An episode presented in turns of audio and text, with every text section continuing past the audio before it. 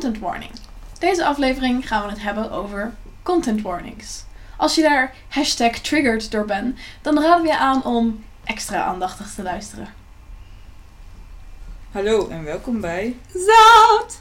een podcast over popcultuur, politiek, het patriarchaat en andere dingen waar wij salty over zijn.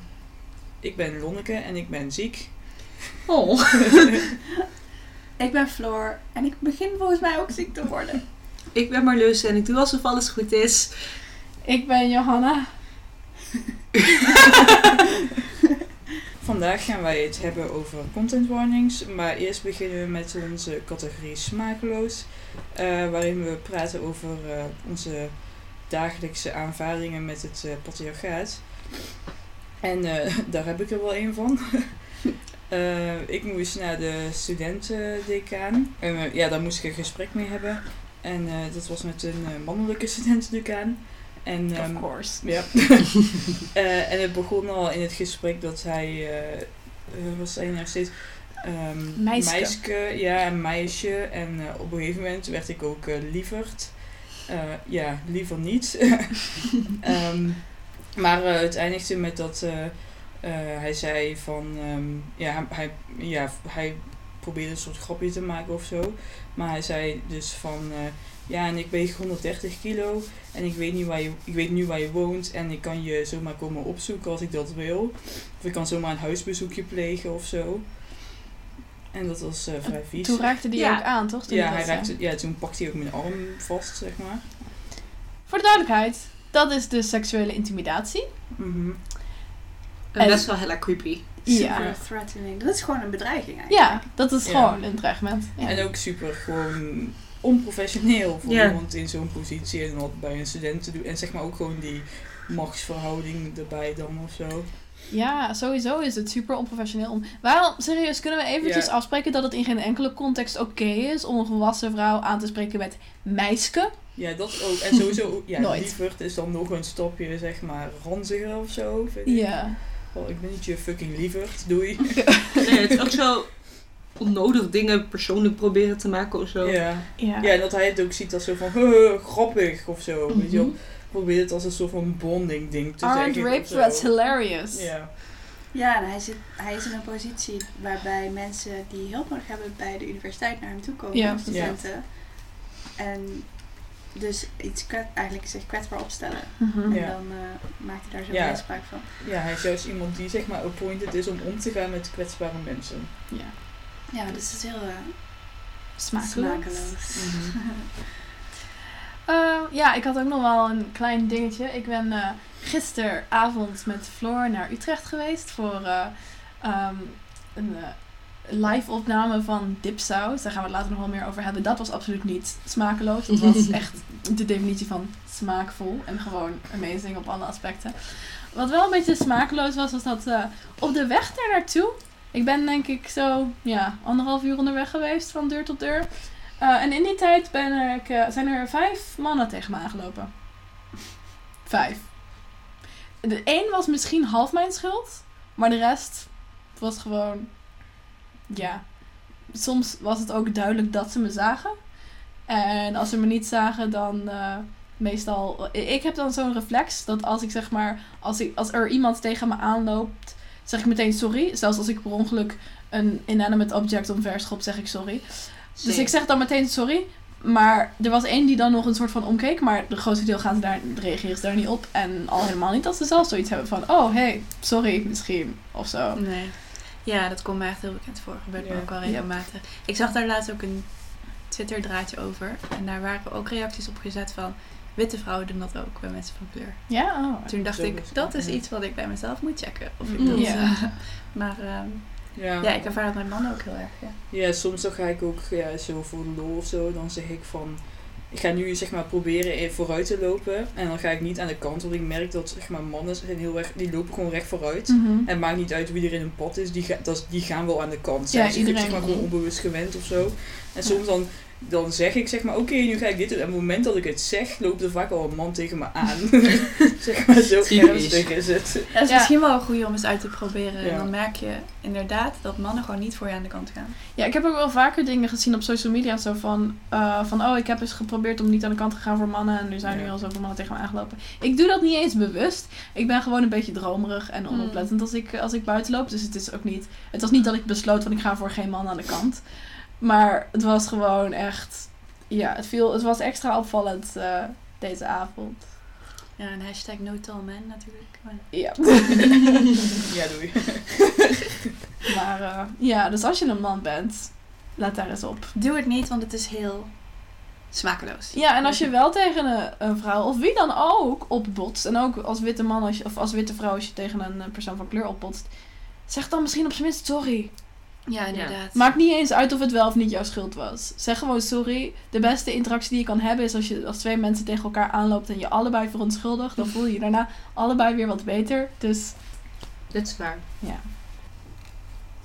We gaan het deze aflevering dus hebben over content warnings. Eh, er zijn een aantal zaken zoals zelfmoord, eh, verkrachting, seksueel geweld, eh, die we dus zullen benoemen in de context van dat wij vinden dat daar ja, waarschuwingen voor gegeven moeten worden. We zullen er niet expliciet op ingaan. Dus wat dat betreft, ja, kijk zelf naar waar je je prettig bij voelt. Of jij op dit moment in staat bent om daarmee om te gaan. Oké, eh, dan gaan we nu door naar eh, het onderwerp, het hoofdonderwerp van vandaag. En dat is, zoals jullie al hebben gehoord, content warnings. Ehm, ja, dus ik heb hier al eens een keer naar verwezen in de aflevering met Denise. En volgens mij in de eerste aflevering ook al. Ehm, dat wij eh, de afgelopen ja, jaar zo'n beetje zijn we bezig geweest onze opleiding zover te krijgen om trigger warnings in te voeren. Of content warnings en die in de syllabus te vermelden. En Ehm, het is ons gelukt, eigenlijk, een soort van. Ja, ehm, ja, een tijdje geleden kreeg ik een, eh, kreeg, is er een mail rondgestuurd. Eh, waarin de, ons ja, bekend wordt gemaakt dat de afdeling, af, afdeling die content warnings gaat gebruiken vanaf de komende periode. Dus daar zijn we heel blij mee. Eh, het plan wat er nu ligt heeft nog wel een paar haken en ogen. Er staan wat disclaimers in die het toch nog wel mogelijk maakt voor mensen om geen trigger warnings te gebruiken als ze daar zelf issues mee hebben. En eh, dat vind ik wel lastig. Daar gaan we het ook nog wel wat meer in detail over hebben. Maar ehm, ja, we hebben iets veranderd. Eh, het, is wel, het is wel een hele strijd geweest. En we hebben ontzettend veel eh, tegenslag en eh, ja, backlash eigenlijk gehad. En heel veel verschillende tegenargumenten die we allemaal nog wel even zullen aankaarten. Maar eerst ook wel even uitleggen waarom we dat eigenlijk hebben gedaan. Of in ieder geval de aanleiding was. Er was een college waarbij een film werd vertoond. En die film was eigenlijk basically trigger bingo. Eh er zaten zelf, meerdere zelfmoordscènes in. Er zat een verkrachtingsscène in. Ehm, ja, het was een, een, moeilijke film om te kijken voor veel van ons. En eh, ja, een klasgenoot van mij, die, ehm, ja, die heeft een, een trauma eh, met betrekking tot zelfmoord. En er waren dus echt, zaten zoveel van die scènes in die film dat zij op een gegeven moment ehm, ja, huilend de klas uit is gerend met een paniekaanval. Ehm, dus ja, na afloop van dat college ehm, ben ik met haar naar die docenten toegestapt en, en zijn we dat gesprek begonnen. En dat was voor mij een beetje de laatste druppel, want het was niet de eerste keer dat dit gebeurde. Is meerdere keren gebeurd dat, eh, nou dat, ik, dat ik zelf merkte dat ik ergens eh, toch wel erg door geraakt werd en dacht van, goh, ik zou hier eigenlijk wel van tevoren voor gewaarschuwd willen zijn. Ehm, maar ook dat andere mensen ehm moeite hadden met dingen. En ik hoorde dat ook, vooral op het moment dat we er eenmaal mee bezig waren, hoorde ik ook van veel andere studenten dat ze daar echt behoefte aan hadden. Ehm, ja, dus wat een, een, een trigger warning eigenlijk inhoudt. De term trigger komt uit de psychologie. En eh, het, het is zeg maar het idee dat ehm, mensen met PTSD en eh, mensen met ehm, anxiety en eh, of allerlei angststoornissen en ook mensen met eetstoornissen, mensen met depressie, die kunnen door bepaalde onderwerpen getriggerd worden. die hun bijvoorbeeld herinneren aan iets traumatisch. Of voor iemand met depressie kan dat zijn iets wat iemand suicidaal maakt. Voor iemand met een eetstoornis kan dat zijn, kan diegene een relapse krijgen. Eh, bijvoorbeeld beelden van hele dunne mensen. Ehm, Eh, Dat soort dingen. Het is niet alle, gaat niet alleen over mentale stoornissen trouwens. Ook eh, epilepsie kan getriggerd worden door bijvoorbeeld het vertonen van flitsende lichten. En migraine. Eh, en migraine ook. Ehm, dus dat zijn allemaal dingen ehm, ja, die nogal nadelige gevolgen kunnen hebben voor iemands gezondheid. En daarom vonden we het belangrijk om daar eh, ja, te zorgen dat daar iets aan wordt gedaan. Ja, dus we zijn daar aan gaan werken. We hebben met heel veel docenten daarover gepraat. En eh, ja, allemaal mensen gemaild. Ehm, en ja, wat me eigenlijk verbaasde was dat we toch best wel veel dus, eh, ja, tegenargumenten naar ons hoofd geslingerd kregen. En heel veel docenten waren het er niet mee eens. Er zijn ook een aantal docenten geweest die ons daar heel erg wel in hebben geholpen. Even een eh, shout-out naar eh, professor Dr. Liedeke Platen. Die we al eens eerder hebben genoemd in deze podcast. Zij is echt fantastisch geweest. En eh, nou ja, nog een aantal andere docenten die ons heel erg hebben gesteund. Maar ook heel veel docenten en medestudenten die, die op de een of andere manier heel veel problemen hadden met het idee van Ja. Een van de argumenten die dan vanuit de docent werd aangedragen is dat de lijst dan nooit compleet kan zijn, omdat alles triggerend kan werken. Stel, nou ja, je had er op een gegeven moment een voorbeeld mee. Dat, eh, stel je bent verkracht in een korenveld, dat zoiets, dat, dat koren jou zeg maar weer dat trauma kunnen op, laten oproepen. Dat was geen goed Nederlandse zin, sorry. Eh, maar het punt daarin is, ja, tuurlijk, die lijst is nooit compleet. Maar dat Mhm. betekent niet dat je er niet aan kan werken om de dingen die je wel kan vermelden, omdat ze over het algemeen in veel groepen als triggering eh, beschouwd kunnen worden, achterwege moet laten. Er zijn best wel ja, formats van dingen die vaak voorkomen, die bij veel mensen een reactie teweeg brengen. En het is nog altijd beter om gewoon die dingen eh, ja, gewoon mee te nemen en gaandeweg de lijst aan te vullen dan helemaal niets te doen. Ja, dat heb ik ook voorgesteld. Van als er dan, eh, als je dan, als dan blijkt dat die lijst niet eh, compleet is. Want ik heb een lijstje aangeleverd van nou ja, dingen als verkrachting, seksueel geweld, zelfmoord, eetstoornissen, nog wat andere dingen. Ehm, en ik heb gezegd, als er dan reacties komen van, oh maar ik word getriggerd door dit en dan staat die op de lijst. Dan kan je dus die lijst blijven uitbreiden. Maar daarnaast is het hele idee van, oké, we kunnen nooit alles eh, ondervangen, dus dan doen we het maar helemaal niet. Dat, ja, vind ik een beetje als dat je zeg maar eh, een gebouw hebt en je hebt een soort van brandveiligheidsplan. En dan heb je verschillende nooduitgangen en brandblussers op verschillende plekken. Maar er zijn altijd plekken waar net geen nooduitgang of geen eh, brandblusser in de buurt is of geen brandalarm. En waar toch nog iemand vast zou komen te zitten tijdens een brand. Ga je dan zeggen van, oh nou ja, weet je, lukt toch niet, dus dan doen we helemaal geen nooduitgang, helemaal geen brandblussers. En dan, nou ja, laat het hele gebouw maar in vuur en vlam opgaan. Nee, nie- nie- niemand denkt zo, toch? Nee. Dus, Nee. En het is ook zo van... Ja, maar het is een... Zeg maar de reactie van het is een, te- het is een onmogelijke opgave. Het is gewoon niet waar, want het is Nee. al, het gebeurt al. Ja, er zijn dus- opleidingen die dit, al, die dit zeg maar hebben ingevoerd. Ja, en er zijn ook heel veel, nou, er zijn heel veel YouTube-kanalen die bijvoorbeeld voor iedere video trigger warnings geven. Er zijn, We doen Ah. het zelf. we doen dit zelf bij onze podcast. Dus, Ja. ja. Ja, dat betekent ook niet dat het niet soms fout kan gaan of zo. Mhm. Maar het is ook weer niet zo. eh, Weet je, ja, het kan gebeuren dat je iets over het hoofd ziet, maar het is niet alsof dan de triggerpolitie je komt halen. Of zo, zeg maar. Ja, dat kan gebeuren, maar het is ook gewoon een soort van. Het is gewoon eigenlijk een soort van ongoing eh, project of zo. Ja, en je mag daar best verantwoordelijk voor. Je mag ook verantwoordelijk gehouden worden voor, Ja. Mhm. voor daarvoor. Je mag er best op gewezen worden. Je hoeft het niet in één keer helemaal goed te doen, maar Nee, het kan gewoon Nee, een work in progress zijn. ja.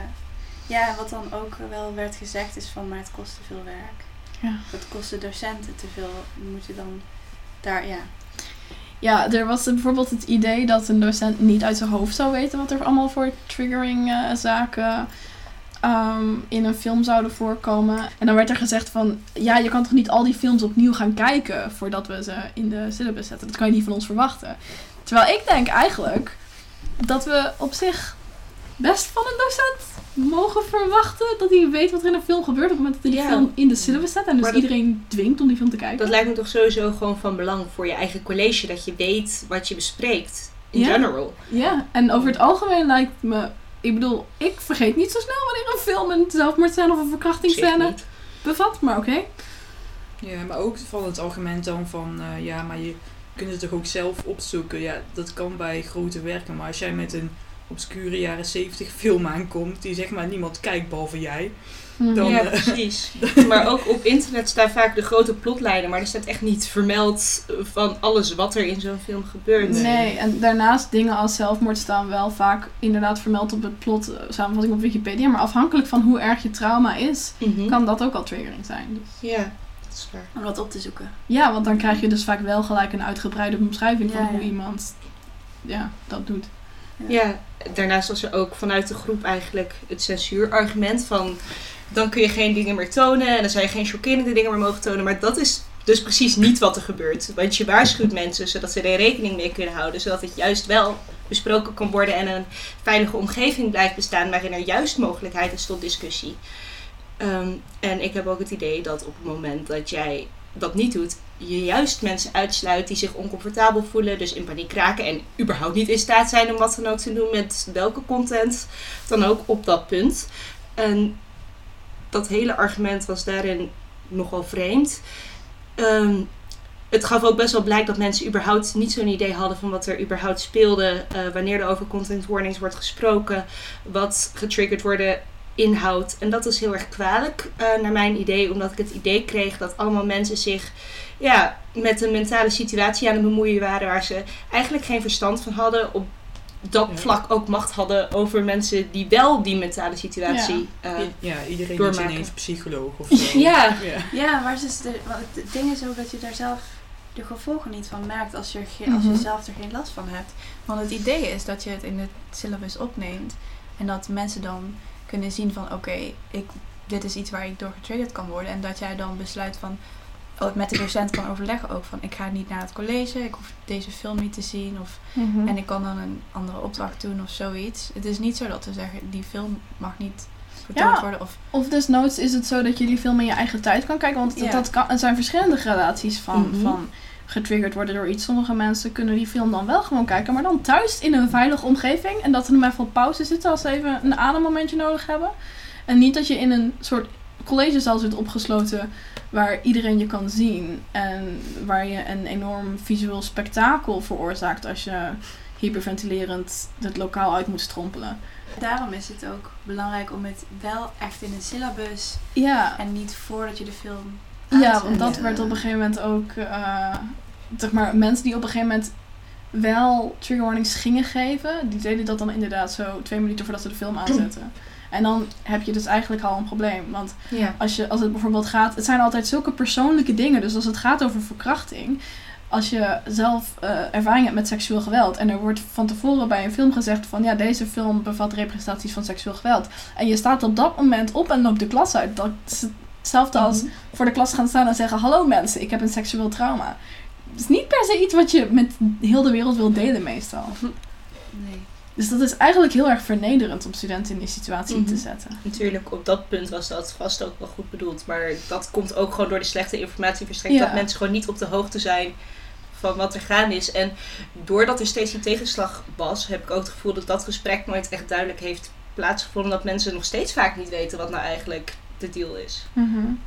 Ja, vanuit de opleiding werd er wel ook echt gevraagd eh, van wat willen jullie dan? En Mhm. zeg maar een gesprek aangegaan eh, wat, ja, wat het precies inhoudt, wat we eigenlijk willen vragen, wat, wat we vroegen. Mhm. Ehm, maar ja, er waren inderdaad, ja, deze argumenten werden opgegooid ook. eh, ja, en dat is ook iets wat nog steeds nu in, de, eh, in het format voor de content warning zeg maar staat. Wat Ja. in, in dat, dat zeg maar het soms niet gedaan hoeft te worden omdat het anders, omdat het anders een shock, eh, hoe noem je dat? Ja, de shock, value. Dat, eh, weghaalt. En dat het een soort van zo'n soort scène een meerwaarde kan betekenen voor een film. En als je dat dan gaat spoilen, zeg maar, dat dan Ja. Spoilers.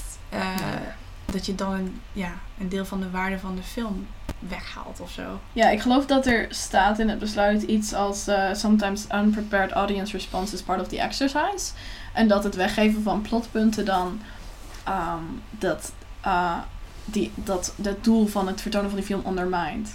Wat ik echt een, misschien wel een van de slechtste argumenten vind. Want ik bedoel, als een film zeg maar zonder de shock value niet meer interessant is om te bespreken, dan heeft die film volgens mij in de eerste instantie geen business om vertoond te worden in een college. Want als, het alleen maar, als je alleen maar kan zeggen van oeh, ik had echt niet verwacht dat er iemand werd verkracht in die film. En je bent daarna klaar met het bespreken, dan eh, ja, nee, lijkt me niet een hele vruchtbare discussie. Uh, maar daarnaast, er zijn altijd mensen in de zaal die de film hebben gezien. Ja. En dan, H- hebben zij daar dan niks meer aan? Ja, maar het zegt sowieso, ik bedoel, je vermeldt alleen dit gaat erin komen. Je gaat Mhm. geen hele expliciete beschrijving geven van Ja, hoe en dingen überhaupt. Nee, want dat is ook al triggering. dus- Ja, Ja, en daarnaast eh, is het ook zo dat het gewoon echt totaal geen rekening houdt met de ervaringen die studenten zelf al hebben gehad. Want eh, overlevers van, eh, van, van seksueel geweld hoeven niet meer gechoqueerd te worden door de realisatie dat seksueel geweld bestaat. Die hebben dat al. Dat is de realiteit voor die mensen. Die hebben dat al letterlijk aan de lijve ondervonden. Dus die hebben die shock value niet nodig. En dan om te zeggen van, oh ja, maar de chockerende ervaring voor de rest van de klas is belangrijker dan jullie mentale gezondheid. Nee, fuck dat. nee, dat is sowieso echt een heel sterk uitsluitingsmechanisme. Ja. Dan zeg je dus eigenlijk gewoon dat mensen met, met trauma's en met, met eh, psychische problemen geen, geen bestaansrecht hebben in, in die ruimte. En wat het eigenlijk suggereert ook, is van dingen als verkrachting zijn dingen die in de echte wereld bestaan, waar mensen nou eenmaal mee moeten dealen of zo. Ja, dat argument hebben we ook gehoord. Zo van ja, maar ja, we kunnen je nu wel overal voor gaan beschermen. Maar in de echte wereld is er ook niemand die je daarvoor beschermt. In de echte wereld worden geen trigger warnings gegeven. Want je bent niet een echt persoon op de universiteit en de universiteit is niet een echte wereld of zo. Maar ook, ik bedoel, dat gaat dan over zeg maar, want nu zijn het representaties, maar dat gaat dan over als die dingen in het echt gebeuren. Ik weet niet hoor, maar volgens mij als er iemand voor je neus zelfmoord pleegt of als er iemand voor je neus verkracht wordt, gaat niemand verwachten dat je daar heel kalm en klinisch en rationeel mee omgaat. Daarnaast is natuurlijk het feit dat de mensen die baat hebben bij die trigger warnings vaak in hun echte leven die dingen al hebben meegemaakt. Dus die hoef je niet te gaan vertellen van, oh in je echte leven beschermt niemand je hier tegen. We know. We're aware. Ja, dat dus. Ja. Wat ook het geval is dat mensen dan op een gegeven moment was dat nou dat ze zeiden: ja, maar het bereid je ook voor op weet ik veel het echte leven. Dit bereid je niet voor op het echte leven. Sorry als dat een spoiler is voor wat je nog verder gaat meemaken, maar nee, dat, dat is niet hoe het werkt. Niks kan je voorbereiden op die dingen. Nee, Also, de mensen die dit al hebben meegemaakt, hebben die voorbereiding dus duidelijk niet meer nodig. Maar also, waarom zou je voorbereid moeten zijn op dat soort dingen? We moeten juist mensen leren dat we moeten juist rape culture, eh, hoe noemen we dat, Ontmantelen. ontmantelen inderdaad. We moeten, niet, we moeten niet dat accepteren als iets wat nou eenmaal bestaat. Ja, precies. Het is wel heel erg berustend, inderdaad, die houding. Ja. Mhm. Ja, en dan over mensen die eh, psycholoog willen spelen nog even. Ehm, ja, er is ook het argument van ehm, als je daarmee wordt geconfronteerd met je trauma, dan, ehm, dan vermindert dat, dan haalt het zeg maar de scherpe randjes van je trauma weg. Face your fears! Ja. Maar dat, dat, ja, dat, dat is iets wat je doet in een extreem gecontroleerde omgeving, eh, alleen of met je therapeut. Eh, dus niet in een heel klaslokaal met allemaal mensen erbij die verder niks van jouw trauma weten en ook daar helemaal niks over horen te weten. Dus ja, dat, dat werkt gewoon helemaal niet zo in een klaslokaal. Het werkt alleen maar eh, in een therapiesessie en niet daarbuiten. Ja, dat is een beetje het idee van exposure therapy. Dat je Mhm. Inderdaad, dat wordt gebruikt voor mensen die een fobie hebben. Dan gaan ze inderdaad bijvoorbeeld. Maar dat is ook altijd inderdaad opgebouwd. Dus bijvoorbeeld iemand die bang is voor spinnen, leggen ze niet ineens in een bad vol met tarantula's. Maar dan is er eerst een klein spinnetje die in een pot op een tafel staat, weet je wel. En dan gaat zo stapsgewijs. Dan als dat goed gaat, dan gaat de deksel misschien open. En als dat goed gaat, dan wordt er misschien een keer een grotere spin bij gehaald. Dus dat wordt heel gecontroleerd opgebouwd. En zodra het niet goed gaat, wordt het ook meteen afgekapt. En gaan, wordt er meteen geëvalueerd van oké, waarom ging het niet goed? Wat gebeurde er? Dat, dat werkt niet in zo'n, zo'n context. Dat is gewoon, nee, dat is gewoon niet hoe dat werkt. En als je dat verkeerd, dat is ook het ding. Exposure therapy moet echt worden gedaan door iemand die, door een, een, een, een, een therapeut die daarin gespecialiseerd is, die daarvoor geleerd heeft. Want als je dat verkeerd doet, dan kan het het trauma dus heel erg verergeren. Maar ook gewoon het feit dat je in een omgeving bent met mensen die geen weet hebben van jouw trauma, die niet weten wat er speelt, dat werkt al bedreigend op zich. En op het moment dat je dan getriggerd wordt, dan verergert dat jouw ervaring alleen maar meer. Ja, of wekt het nog meer schaamte op. Ja. Wat vaak al een probleem is als je een trauma hebt, dan is dat al iets waar de maatschappij jou voor vertelt dat het iets is waar je voor moet schamen. Ja, sowieso mentale problemen. Er ligt nog zo'n ontzettend stigma op, zoals we vorige aflevering ook al wel hebben behandeld. En, ehm, dus je, het is sowieso heel moeilijk om je veilig te voelen en dan helemaal als mensen zo slecht reageren eigenlijk op, op content warnings. Ja, en daarop aanvullend ook. En dat wel, dus op een gegeven moment volgens mij werd dat ook gesuggereerd dat je. eh, ja, één ding dat je inderdaad zelf je, content, de, moet opzoeken wat voor triggers erin zitten, maar ook dat je daar eh, zelf over naar een docent moet toestappen of zo. Terwijl Het is je eigen verantwoordelijkheid. ja, het is je eigen verantwoordelijkheid, maar op het moment dat je niet dat je dat moet doen, dan word je ook gevraagd om uit te leggen aan iemand die eigenlijk helemaal niks van jou hoeft te weten Mhm. wat, dat jij persoonlijke trauma's hebt. En dat is ook wat ik eigenlijk heel erg teleur, waar ik heel erg teleurgesteld over was, over de reacties die we kregen. Want ik had heel erg het gevoel dat er eerst uitgelegd moest worden wat dan precies, hoe dat soort trauma's er precies uitzagen, om mensen Mhm. te overtuigen dat mental Mhm. health een ding is waar mensen mee struggelen binnen, binnen de setting van de universiteit of zo. Dat ze er overtuigd van waren dat het echt nodig was. Terwijl dat zou niet nodig moeten zijn. Je hoeft niet je hele privéleven op tafel te gooien om eh, mensen Nee. te overtuigen. Ze waren niet snel bereid om ons gewoon op ons woord te geloven en serieus te nemen. En wat ook heel opvallend was, was dat op het moment dat ik het had over epilepsie en dat daar ook trigger warnings voor nodig zijn, hadden mensen wel meteen iets van: oh ja, oké, maar dan is het iets medisch. Dus dan, en dan, is het, dan mag het ineens wel. Uh, to be clear, PTSD is ook iets medisch. Psychische stoornissen zijn ook medisch. De DSM is ook medisch. Je kunt van die mooie plaatjes vinden op internet met zeg maar hersengebieden die oplichten. Ja, precies. Maar ook, ja, los daarvan. Ja, mentale gezondheid is fysieke gezondheid. en het is, ik bedoel, een, een paniekaanval is een heel fysiek iets. Je gaat hyperventileren, je gaat zweten, je krijgt hartkloppingen, je krijgt last van je maag, je wordt vaak misselijk. Het is, gebeuren allemaal fysieke dingen. Het is niet dat je je in je hoofd een beetje ongemakkelijk voelt. En dat is ook zoiets wat mensen zo vaak, ehm, wat mensen zo vaak zich in vergissen. Dat mentale gezondheid ook echt gewoon hele reële gevolgen heeft voor je Mhm. fysieke gezondheid. Als je bijvoorbeeld last hebt van een angststoornis, kan je daardoor echt rugklachten krijgen en nekklachten, omdat je zo vaak gespannen bent. Ehm, veel mensen met angststoornissen hebben ook eh, maag-darmklachten. Dus dat hele onderscheid tussen ja, lichamelijke gezondheid en, en, en eh, mentale gezondheid, dat onderscheid bestaat niet. En ehm Lonneke, jij hebt eh, wat onderzoek gedaan naar waar, waar dat idee over die, dat onderscheid eigenlijk vandaan komt. Dus eh, misschien is het nu tijd voor. Lessen met Lonnie. Eh, ja, we kennen eigenlijk al een hele lange filosofische traditie. ehm, eh, en eh, ja, in wat we dualisme noemen. Eh, en zoals we het nu kennen, dat, eh, dat, dat is dankzij eh, Descartes. Fucking Ehm, Descartes. Ja. en dat is eigenlijk dat we eh, op een gegeven moment zijn we een onderscheid gaan maken tussen de geest en het lichaam. En eh, ja, de feministische kritiek daarop is vooral dat eh, de geest eh, wordt dan eigenlijk gezien als het domein van, eh, van mannelijkheid en van de man. En het lichaam ehm, eh, ja, is de vrouw.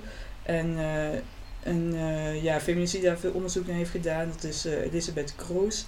En een, ja, wel een goed citaat daarover vond ik eh, het volgende. Eh, women are somehow more biological, more corporeal and more natural than men. Dus dat lichamelijkheid wordt veel aan vrouwen gelinkt. En ehm, daarbij, ja, dat, dus da- na de kort is die traditie van verlichtingsdenken opgekomen. En het idee dat zeg maar het ultieme eh, doel wat we kunnen bereiken is een soort van ultieme ratio en redelijkheid. En eh, ja, gewoon puur op kennis gericht eigenlijk. En ehm, ja, en, en dan heb je ook nog het idee van Plato, dus wat daar dan ook bij komt of zo. Van dat de mens eh, eigenlijk eh, ja, vooral moet proberen om zijn lichamelijke driften of zo opzij te zetten. Om dan, de, ja, om dan toch die ratio te kunnen bereiken. En dan heb je de traditie van het idee dat vrouwen dat niet zouden kunnen. Eh, vrouwen zijn onredelijk. Ja, dan- Hysterisch. ja, hysterisch, ja. Zoals eh, bijvoorbeeld Madame Bovary, die gaat lezen en dan eh, gaat ze veel te veel mee in haar gevoelens. Want gevoelens zijn fout, dat weten we allemaal. Eh, ja. En de universiteit is dan ook heel erg ingericht met dat verlichtingsideaal van ehm, dat je zeg maar eh, je lichaam een soort van achter kan laten. En dat je alleen maar naar binnen komt met je brein of zo. Ehm, omdat je daarmee dus dan, omdat emoties zitten eigenlijk dan in de weg om eh, goed te kunnen nadenken. Eh, ja, en dat zie je dan ook weer terug in die trigger warnings. Dat eh, het idee dat mensen naar college komen zonder zeg maar hun ervaringen mee te dat, een soort van, dat je als een soort van tabula rasa of zo aankomt op de universiteit. En ehm, Ja, als een blank slate. ja, waar, waar dan zeg maar kennis op kan worden, of ja, op kan komen, maar zonder dat je je zeg maar fysieke realiteit of zo meeneemt in de college. En dat je dat even zo kan uitzetten of zo. Mhm. Ja, dat zie je denk ik ook heel erg terug in wat er wel, wat er denk ik wordt gewaardeerd aan eh, input als, als het om kennis gaat, ook als student bijvoorbeeld. Je moet niet te emotioneel op dingen ingaan. Mhm. Ehm, en ja, dat gaat dan ook weer door naar de werkvloer en zo natuurlijk. Maar ja. Ja. En dat, ja, dat ook dat idee dat vrouwen eh, ja, vaak onredelijk zijn of zo. Of dat die minder geschikt zouden zijn voor eh, academisch werk. Ja, minder die- logisch Ja. dan mannen. Ja. Ja. ja, en dat is er inderdaad, het is, mm, vrouwen zijn minder redelijk, maar tegelijkertijd ook die waardering voor redelijkheid. Mhm. Dus ehm, En vrouwen zijn hormonaal of zo. Ja. Ja, en you're probably just on your period. Ja. al, al die gevoelens, al die hormonen. ja, En dat is natuurlijk ook waarom vrouwen zo worden geassocieerd met lichamelijkheid. Ja. Het, het bloeden, het, Ja. eh, het baren, het, het on, Mhm. onreinen. maar dat hangt dan ook weer samen met eh, eh, ten eerste inderdaad de, de aversie tegen überhaupt de vraag van of überhaupt het feit dat je gevoelens hebt over dingen die Mhm. in, op de universiteit gebeuren of worden vertoond of die je worden geleerd. En dan ook nog de vraag van wil je daar zorg voor dragen? Mhm. Wil je daar Mhm. verantwoordelijkheid voor dragen en wil je zorgen dat er een veilige omgeving. Dat is ja, dus eh, dat is care work, dat is zorg. En dat wordt ook heel erg geassocieerd met vrouwelijkheid. Ja, en je is- merkt ook heel erg, dat merkten we heel erg van, dat is niet iets wat, wat eh, bij, het, bij de taken hoort of zo, van docenten of voor. eh, daar willen ze niet mee geassocieerd worden of zo. Ja, dat is ja, emotioneel. Emotional labor is, Ja. is, is, is ondergewaardeerd werk. Dat eh, mannen ja, willen daar geen verantwoordelijkheid voor dragen. En, en dat is natuurlijk ook, dat is ook wat, wat, wat hoe, hoe jongens opgroeien, wat mannen wordt geleerd. Als, ze als eh, kleine kinderen vallen en ze hebben pijn, dan worden ze getroost door hun moeder. En bij de meisjes gaat dat door. Totdat ze zeg maar, ze huilen eerst over een kapotte knie en dan een paar, tien jaar later huilen ze over een kapotte relatie. En mannen leren tegen die tijd dat ze hun gevoelens op moeten kroppen en dat ze Mm. niet praten over emoties. Dus het is ook niet allemaal hun schuld natuurlijk. Het is ze ook maar aangedaan. Het is maar het fucking patriarchaat. En ook kapitalisme. Ja, ook kapitalisme. Daar hangt het ook mee samen. Want eh, op het moment dat je wel je verbindt aan zeg maar zorgdrager, dan betekent dat dat, je, dat het je productiviteit belemmert. Mhm. Ehm, ja, dus op het moment dat je zegt van oké, we, we zorgen dat inderdaad dat we een safe space hebben, dan. eh, wat trouwens ook een onzin is, want als je. zelfs, nou het kap, zelfs, eh, zelfs, zelfs kapitalisme heeft baat bij content warnings. want eh, ja, de mensen die zelf eh, paniek aanvallen en dat soort dingen hebben, die weten dit. Maar ga maar eens proberen om een essay te schrijven als je net een paniekaanval hebt gehad. Ga Ja. maar eens proberen om een kalme, rationele discussie te hebben terwijl je ondertussen midden in een flashback zit. ja. Dat werkt niet! Dat getriggerd worden is helemaal niet productief. nee. Maar ik denk dat het sowieso gewoon een ding is in instanties dat ze niet door lijken te hebben dat ze uit mensen bestaan. Dat ze het idee hebben, ja, mensen hebben hier een bepaalde functie in. Maar dat het hele welzijnsaspect van die mensen die daar deel van uitmaken zo naar achter wordt geschoven. Terwijl zonder mensen ben je als instantie toch überhaupt niks. Dat idee van mensen als zeg maar resource kunnen gebruiken. of, ja, of gewoon dingen die je gebruikt om je bedrijf hoger op te krijgen of zo. In plaats van als mensen. Wat Ja. op de universiteit echt geen sens maakt. Want Nee. je, wat, je bestaat omdat je studenten op. Nou ja, je zou moeten bestaan omdat je studenten wil opleiden. Ja, maar Waarom dat is dus niet waar, hè? Nee, ja, nee, daarom zeg ik Ja. ook, nou ja, want het is eigenlijk, je, wordt- je, je, je wil de nieuwe generatie in jouw systeem. Ja, maar de Inpassen. universiteit gaat over kennisproductie. En, en ik- heel Ja. veel, ik denk dat heel veel universitaire docenten, met name degene met hogere rangen, toch meer worden eh, geconditioneerd om te streven naar kennisproductie. eh, voor zeg maar het produceren van kennis en niet zozeer het opleiden of het geven, het overdragen van kennis Mhm. aan. Dat is een, een secundaire taak eigenlijk. En dat, dat merk je ook op het moment dat een docent in hoog gaat, omhoog gaat in rang, gaat hij minder lesgeven. Want eh, zeg maar, lesgeven dat doe je om brood op de plank te krijgen. Maar onderzoek, dat is het echte werk. Dat is, Ja, maar dan vergeet je dat de studenten die je doseert de volgende generatie kennisproducenten zijn. ja. Ook, maar Mhm. ehm, En ook wat heb je aan die kennis als alleen jij en tien andere witte mannen in een ivoren Ja, precies, kennis beschikken? Ja, precies. Want wat het eigenlijk is, is dat je ook zegt van... Oké, maar er is geen ruimte voor kennis voor, van mensen die eh, met mental illness. Er is geen ruimte voor die mensen in de universiteit. Ja, wat natuurlijk ook een enorme fout is. Want juist de mensen die die ervaringen hebben, die, eh, die beschikken over een heel lichaam van kennis waar de mensen die dat niet hebben helemaal geen toegang toe hebben. Dus het is juist belangrijk om naar die mensen te luisteren. Dit is wat wij doen, is ook kennisproductie. Wij hebben docenten dingen moeten leren over content warnings die ze Mhm. daarvoor niet wisten.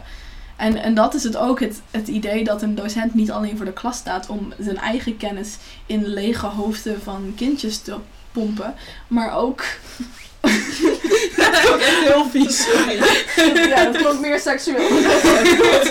Ehm, maar het is ook de bedoeling dat docenten van studenten leren. En we hebben een aantal docenten op de universiteit die daar heel erg bereid toe zijn, maar bij anderen merk je dat het meer. ehm, ja, dat principe van sage on the stage or guide on the side. Dus gaan we samen, is het collaboratief, gaan we samen kennis produceren en samen leren dingen nuanceren? Of, of staat er één iemand op een podium die een zaal toespreekt? Hmm. En ehm, daar zie je een beetje een tweedeling in op onze universiteit. En ja, wat we dus ook echt te horen kregen op het moment dat we dan een beetje ja, probeerden onze docenten te educaten, dan was, was dat we de opmerking kregen van, ja, maar jullie begrijpen het niet.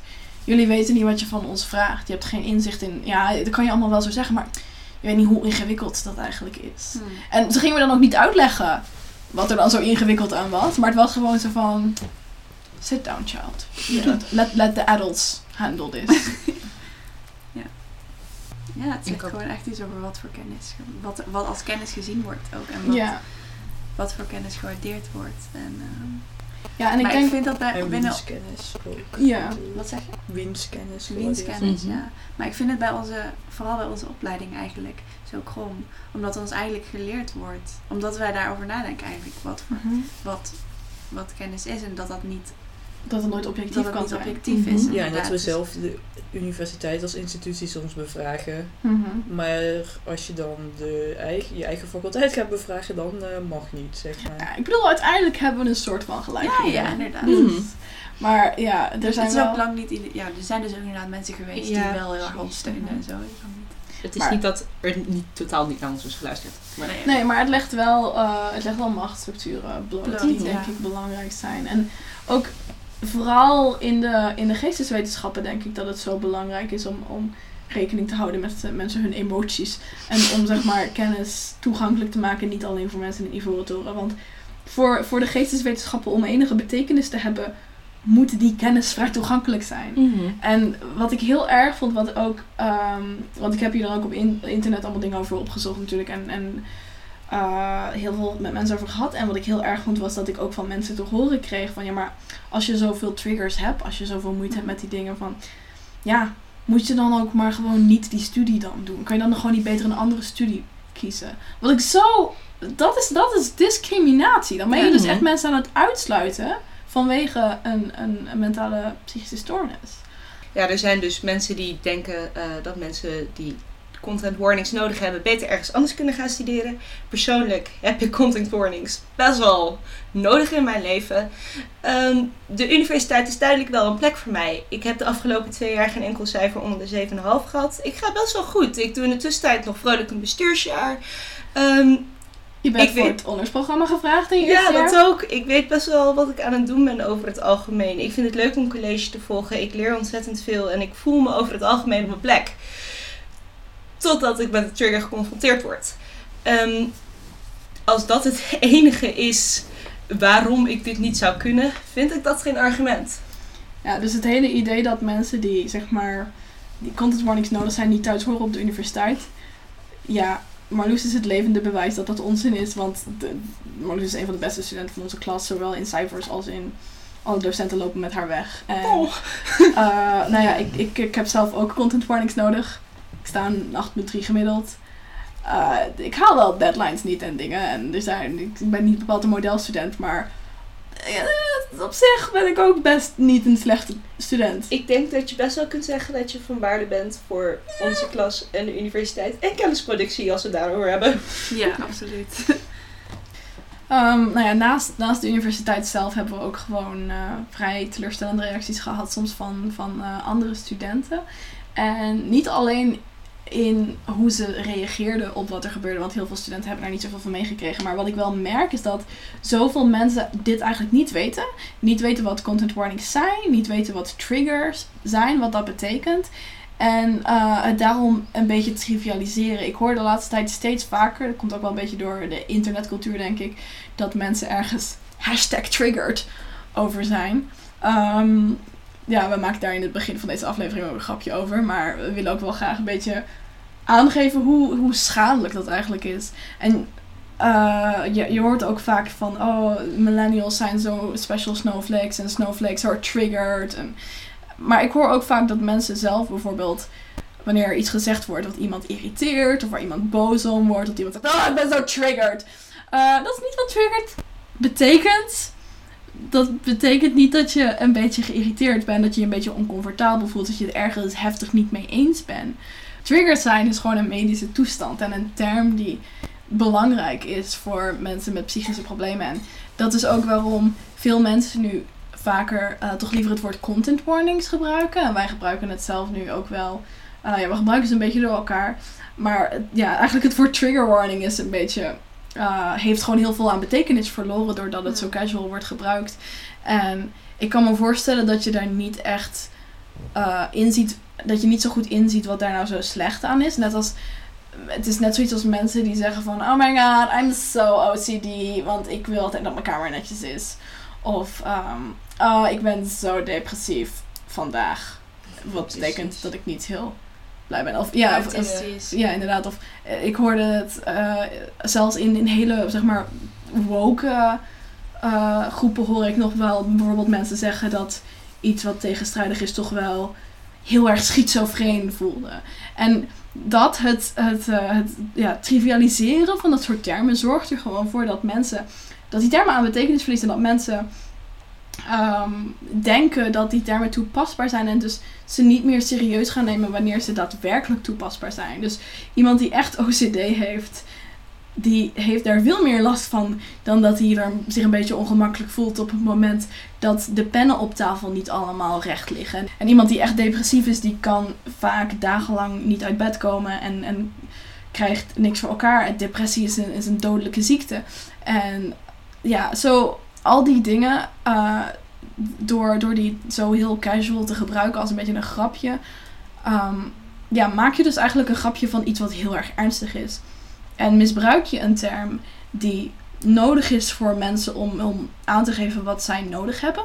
Dus het is nodig voor mensen met deze problemen om aan te geven dat ze trigger warnings nodig hebben. En wij hebben ook echt gemerkt dat mensen dus denken dat het erom gaat dat wij een waarschuwing willen als we het ergens niet mee eens zijn.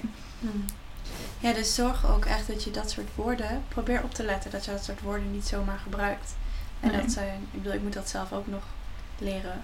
Ehm, maar ja, Mhm. probeer je daar zelf, probeer daarop te letten.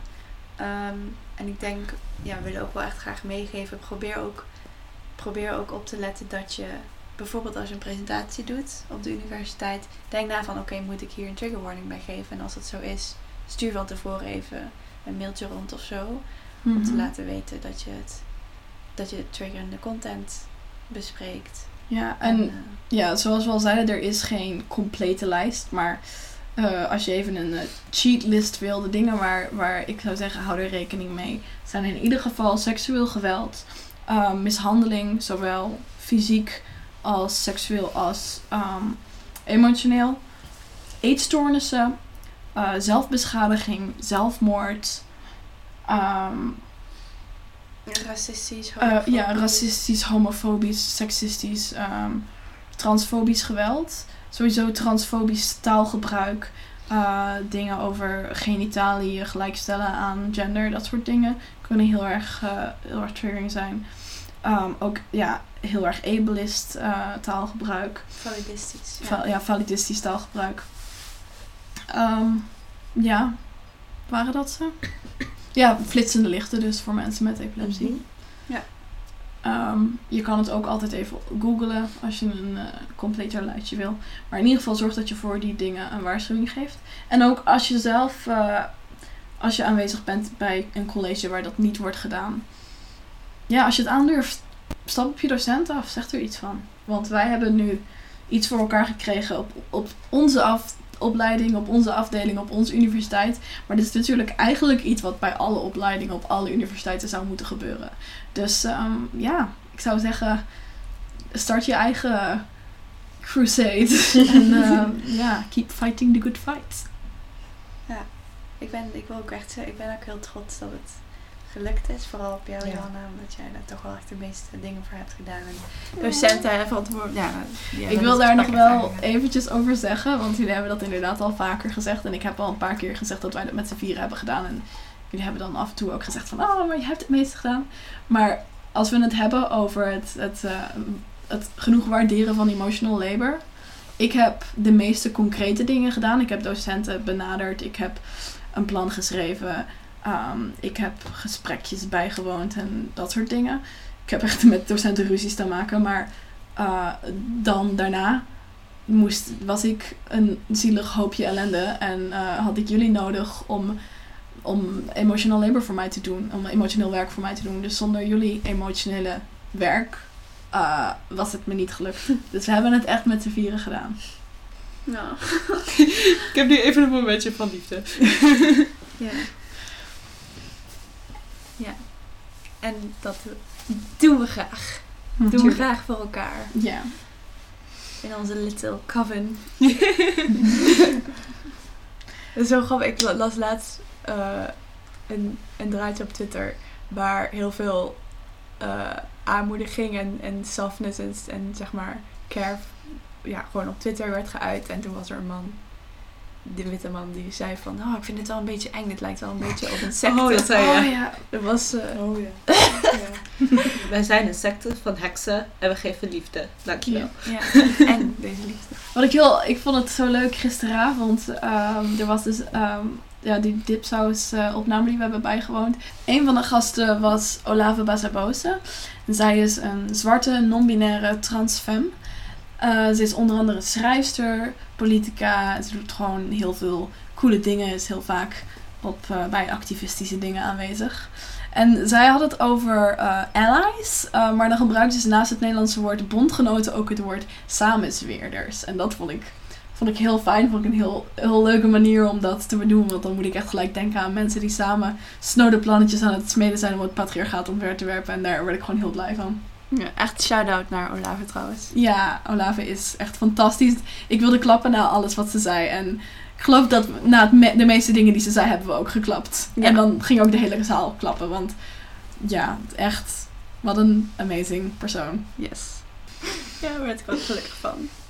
Misschien is dit wel een goede, goed bruggetje naar onze favorites. Dingen waar we gelukkig van worden. Ja. Lanneke, jij, jij eh, wil het... Je hebt wel een favorite, denk ik? Ja, ik heb er twee. Je hebt er twee, oké. Ja. Eh, ja, ik denk allereerst eh, Hunger, het boek van Roxane Gay. Ehm, dat, past wel heel goed bij het eh, onderwerp wat we hebben besproken, besproken vandaag. Het gaat eigenlijk over, het is heel persoonlijk werk.